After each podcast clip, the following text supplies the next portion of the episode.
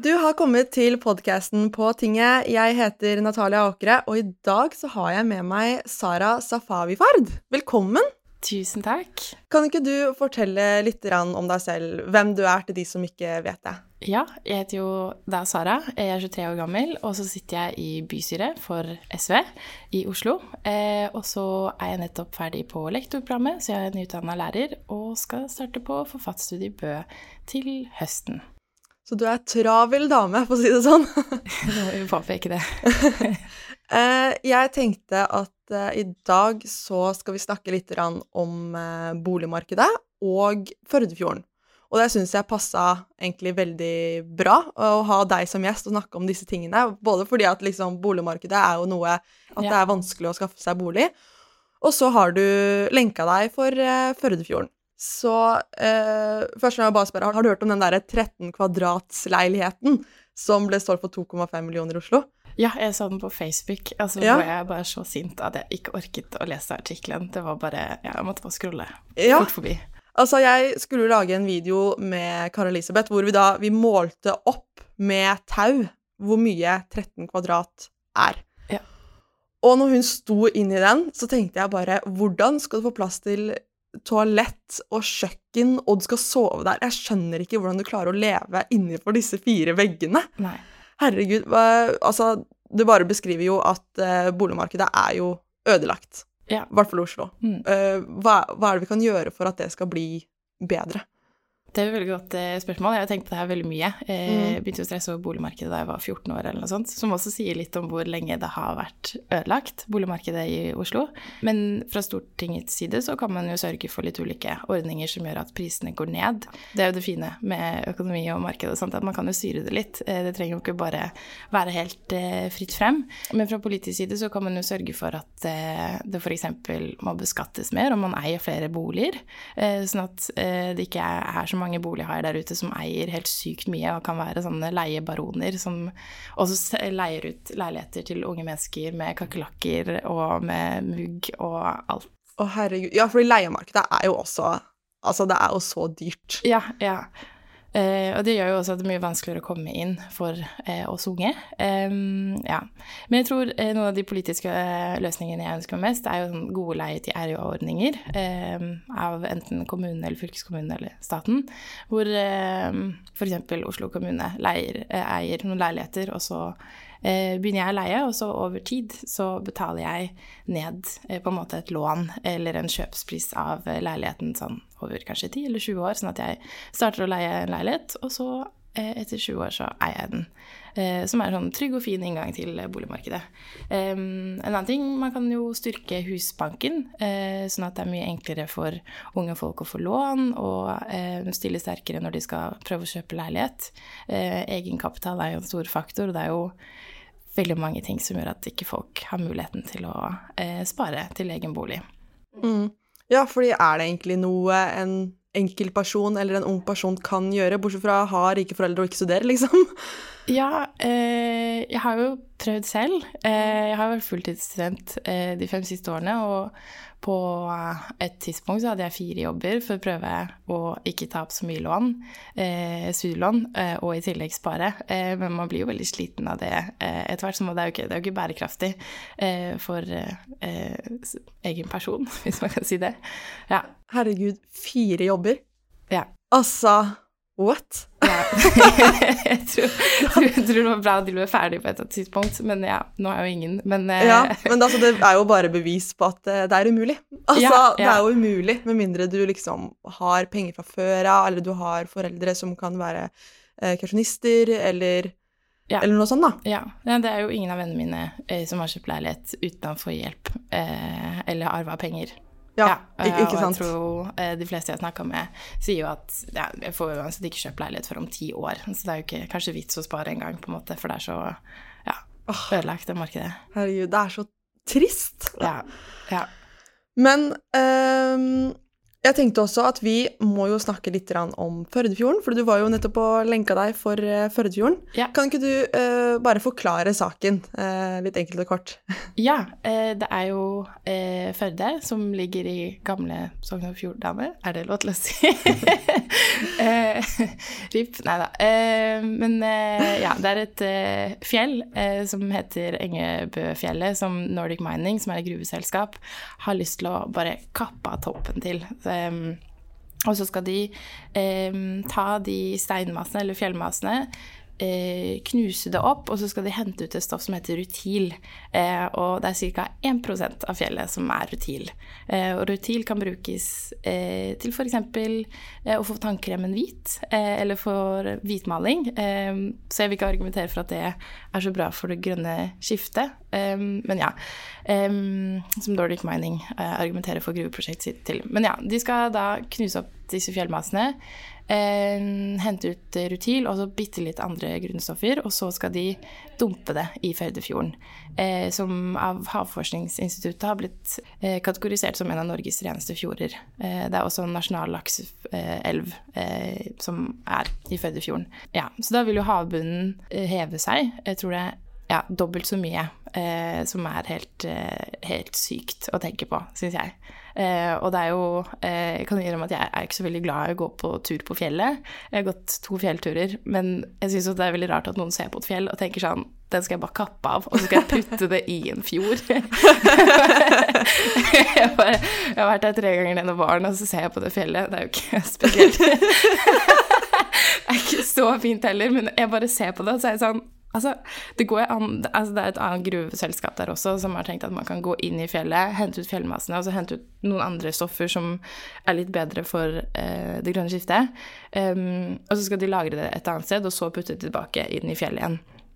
Uten å liksom bare kappe av hele fjellet. Det vil jo endre hele naturlandskapet også. Mm. Ja, men, uh, ja. Og så bare dumpe det i sjøen ja. etterpå, liksom.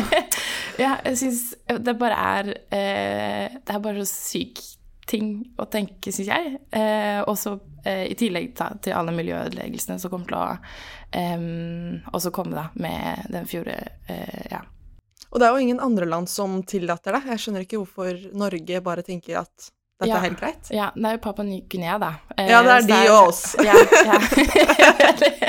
jeg vet liksom ikke om det er best å være på toppen i det her Nei. i verden, på ja, gruvedumping. Eh, ja. Ja, men du lenka deg jo. Ja. Fortell litt om det. Altså Ja, hva, hva, hva skjedde? Ja, eh, jeg hadde som nevnt vært der to andre ganger tidligere i, i, vår, og da trodde jeg også at jeg skulle lenke meg, så nå dro jeg opp den uka jeg leverte masteren min, eh, for å være der i 24 timer og bli arrestert. Eh, men ja. Vi hadde ulike skift, eh, hvor det var et skift, et morgenskift, som ble arrestert først. Eh, og så var det min tur rundt eh, lunsj. Eh, så etter politiet hadde henta det første morgenskiftet, eh, tok litt tid, og så gikk vi inn på anleggsområdet. Eh, og da har Nordic Mining sagt til oss, eller Natur og Ungdom, at med en gang noen er innenfor de gjerdene som omringer et anleggsområde, så stopper vi maskinene våre. Så de gjorde det, og så satte vi oss eh, på gravemaskinene, lenket oss, og så ringte vi politiet og sa at nå har vi eh, lenket oss. Eh, og så er jo eh, selve dette gruveprosjektet er i Vevring, som er sånn 45 minutter ca. Eh, unna Førde sentrum. Eh, så satt man der i regnet og venta på at politiet skulle komme.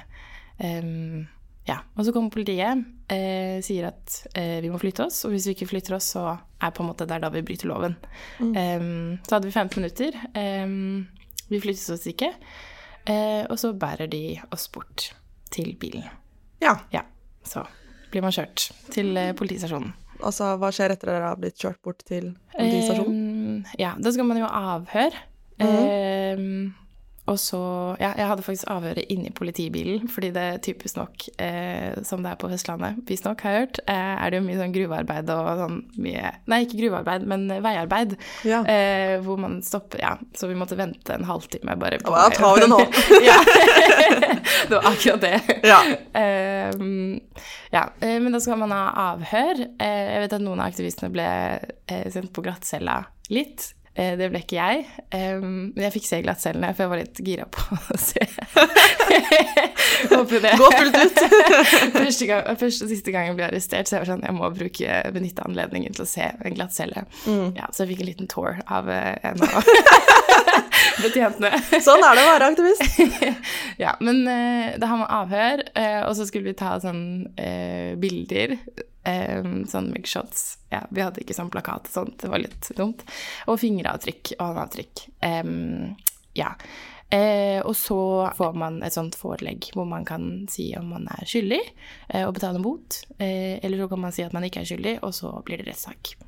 Eh, ja. Og de aller fleste aktivistene har gått for rettssak, meg selv inkludert. Eh, ja. Og i dag er første runde med rettssak i Førde. Oi! Mm. Hva, hva, er det som skjer videre da, når, når du går videre til uh, rettssak? Er det noen risker man tar da? Man får jo høyere bot med en gang eh, ja. hvis man sier at man ikke er skyldig. Jeg tror den går fra eh, 10 000 til 12 000. Um, hvis man har eh, lenket seg en gang. Det står i forelegget også at man kan risikere 20 dager i fengsel, men jeg tror det er så ekstremt liten sannsynlighet. Ja. Eh, ja. Men man får muligheten til å snakke mer om saken, Eh, kanskje få litt medie...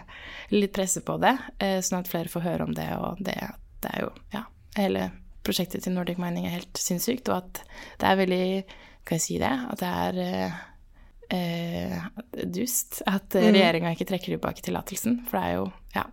Jeg tror eh, Norstat gjorde en undersøkelse i 2019 eller sånt på om folk befolkninga var for gruvedumping. Eh, eller sjødeponi. Sjødeponi var det. Og da var 80 eller 90% av befolkninga mot. Mm. Ja. Ikke sant? På tvers av partilinjer. Ja, ikke sant. Ja, nei, jeg er helt enig. Det er jo helt dust. Men eh, det er jo veldig bra at vi prater om det her, fordi eh, det var jo verdens miljødag også på søndag. Ja. Så eh, altså SV er jo på en måte veldig opptatt av at eh, vi skal ikke gå på enkeltpersoner, men det er liksom de store selskapene, sånn som Førdefjorden, da, eh, på en måte sin feil, hvis jeg kan si det i hermetegn, eh, for at vi ikke når våre klimamål. Men altså alt hjelper jo, da, akkurat sånn som det å være aktivist. Og ja. har du noen andre tips til hva enkeltpersoner kan gjøre for miljøet? Eh, jeg skjønner jo at man ikke alle har lyst til å lenke seg og begå eh, sivil eh, ulydighet, men man kan jo presse på f.eks. Eh, med Førdefjorden på andre måter. Det er jo investorer involvert. Eh, alle der ute som har Nordea f.eks., eh, kan jo sende en mail til Nordea og si at de vurderer å bytte bank eh, fordi de er investorer i Nordic Mining sitt gruveprosjekt. ja, og så er jo det kjipe svaret er at man kanskje må melde seg inn i miljøorganisasjoner eller i SV. Eller det er jo ikke et kjipt eh, svar, eh, fordi vi har jo lyst til å løse et systematisk eh, problem. Men da må man jo på en måte være med en del av politiske bevegelser som faktisk har lyst til å endre systemet, da, og ikke bare enkeltpersoners væremåte, selv om jeg syns det også er viktig. Det er jo viktig å fly mindre og spise mindre kjøtt, men det betyr jo ikke at man per nå trenger å endre hele livsstilen sin. Mm. Ja. Og tenkte at vi skulle gå videre til uh, lytternes spørsmål, fordi folk har jo sendt inn litt spørsmål uh, til deg. Um, jeg skal være så ærlig og si at jeg ikke har forberedt meg, siden jeg har hatt litt dårlig tid i dag. Men da skal vi være så gærne at vi bare tar noen randoms. Hvis jeg går inn på Instagram her. Mm. Skal vi se, det har kommet inn masse, ja. Skal vi se, hva skal vi ta her, da? Jo, hvordan er det du klarer å kombinere å være student, folkevalgt og aktivist? Du ja. snakka jo i stad om at du er jo så travel. Hvordan klarer du dette? Jeg elsker å planlegge. Uh, ja, så jeg tror jeg bare uh, Ja, jeg planlegger hverdagen min uh, veldig tidlig, og så eh, kan jo være veldig åpen om at sånn Jeg, liker ikke å sove. jeg syns det er veldig kjedelig, så jeg sover litt lite. Eh, så jeg kommer sikkert til å få til litt demens eller noe sånt. jeg bare sover litt lite. Det er sånn jeg klarer det. eh, ja. Mm, jeg må planlegge mye. Eh, og så prøver jeg å benytte sånn hvis jeg er på forelesninger og sånt, så er jo det en perfekt mulighet til å svare på mail. Ja, ikke sant? eller, å lese sakspapirer. Og når jeg har drevet og reist til eh, Førde nå, så har jeg jo skrevet på masteren min eh, på bussen eller på gravemaskinen på et eller annet tidspunkt også. Eh, så bare benytte enhver mulighet til å gjøre andre ting. Ja. Hvis det Ja. Herregud, driver og tar master og ja. Vet du hva. Nei, det er bra. Uh, skal vi se Hva er det gøyeste med bystyret? Oi, det er veldig bra eh, spørsmål. Jeg tror det gøyeste er jo å skjønne at Eller å få oppleve eh, at politikk fungerer. Eh, det er jo noe man hører veldig ofte på taler Jeg har hørt, føler jeg har hørt Kari Lisbeth og Audun eh, snakke om det mange ganger. Sånn, dere, politikk funker. Og så sitter jeg i bystyret, eh, og så får vi vite viktige ting eh, som jeg vet har påvirkning for folks liv. For eksempel så i revidert budsjett nå i Oslo kommune så ligger det an til at vi får ut mange flere millioner for at unge i Oslo skal få flere jobber. Og jeg vet jo hvor utrolig viktig det er eh, å få seg jobb når man er 16-17 år gammel. Eh, å få oppleve det og tjene litt egne penger. Så jeg syns det ja, se at politikk funker, og at det er mulig med endringer. særlig etter 18 år med Høyre i Oslo. Og da passer det egentlig litt bra at jeg stiller det neste spørsmålet her. fordi Føler du at dine meninger blir hørt av stortingspolitikere etter en demonstrasjon? Ja, jeg føler jo at SV eh, mener jo på en måte det riktige, og så har vi jo på en måte ikke akkurat makta nå til å bare sende inn forslag, og så er alle for de. Selv om jeg syns alle i Stortinget burde være for forslagene våre. Mm. Um, syns jo at eh, stortings... Eh, politikerne våre hører etter oss. Og så syns jeg i hvert fall det er lavterskel å sende mail eh, eller ringe og rante litt, hvis man vil det, eh, eh, om ting. Mm. Ja. Det er bra. Hva drømte du om å bli når du var liten?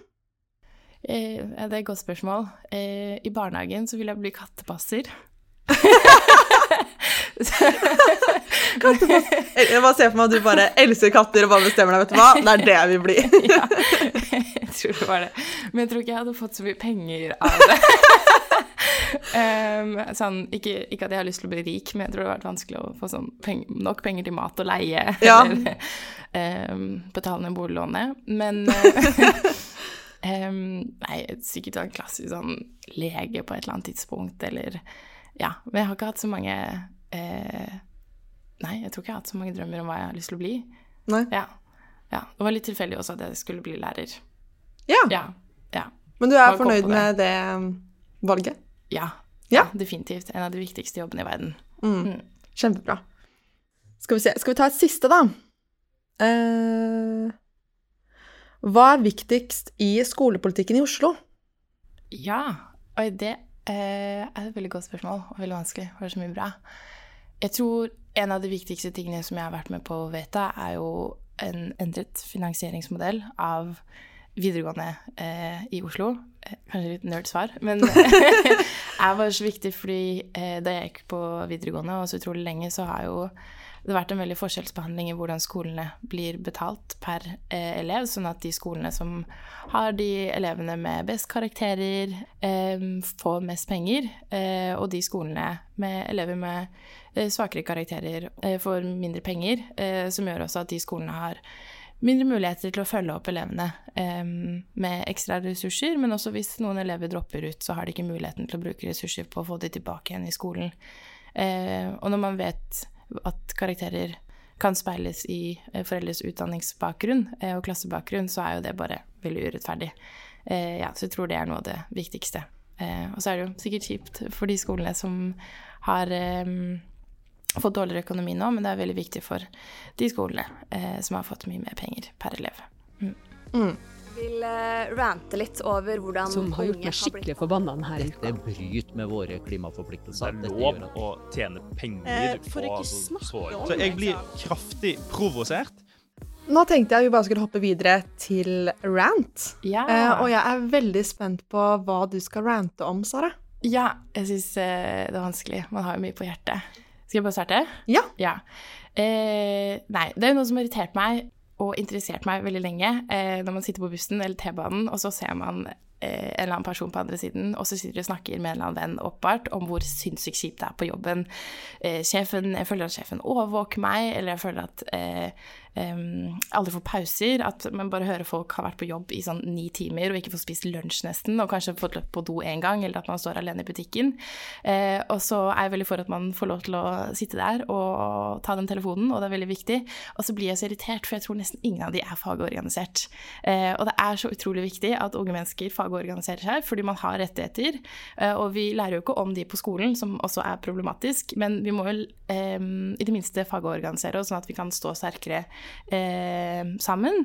Eh, men også sånn at man faktisk får tatt seg en lunsjpause, eller man får eh, gått på do når man er, eh, er på jobb. Eh, og også er det jo så utrolig mange bonuser ved å fagorganisere seg også, som jeg syns at flere unge burde benytte seg av. Man får f.eks.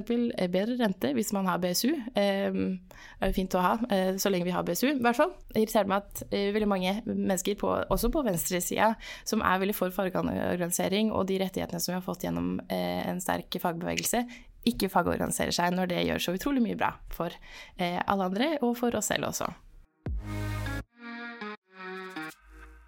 Da har vi gått mot slutten av eh, episoden.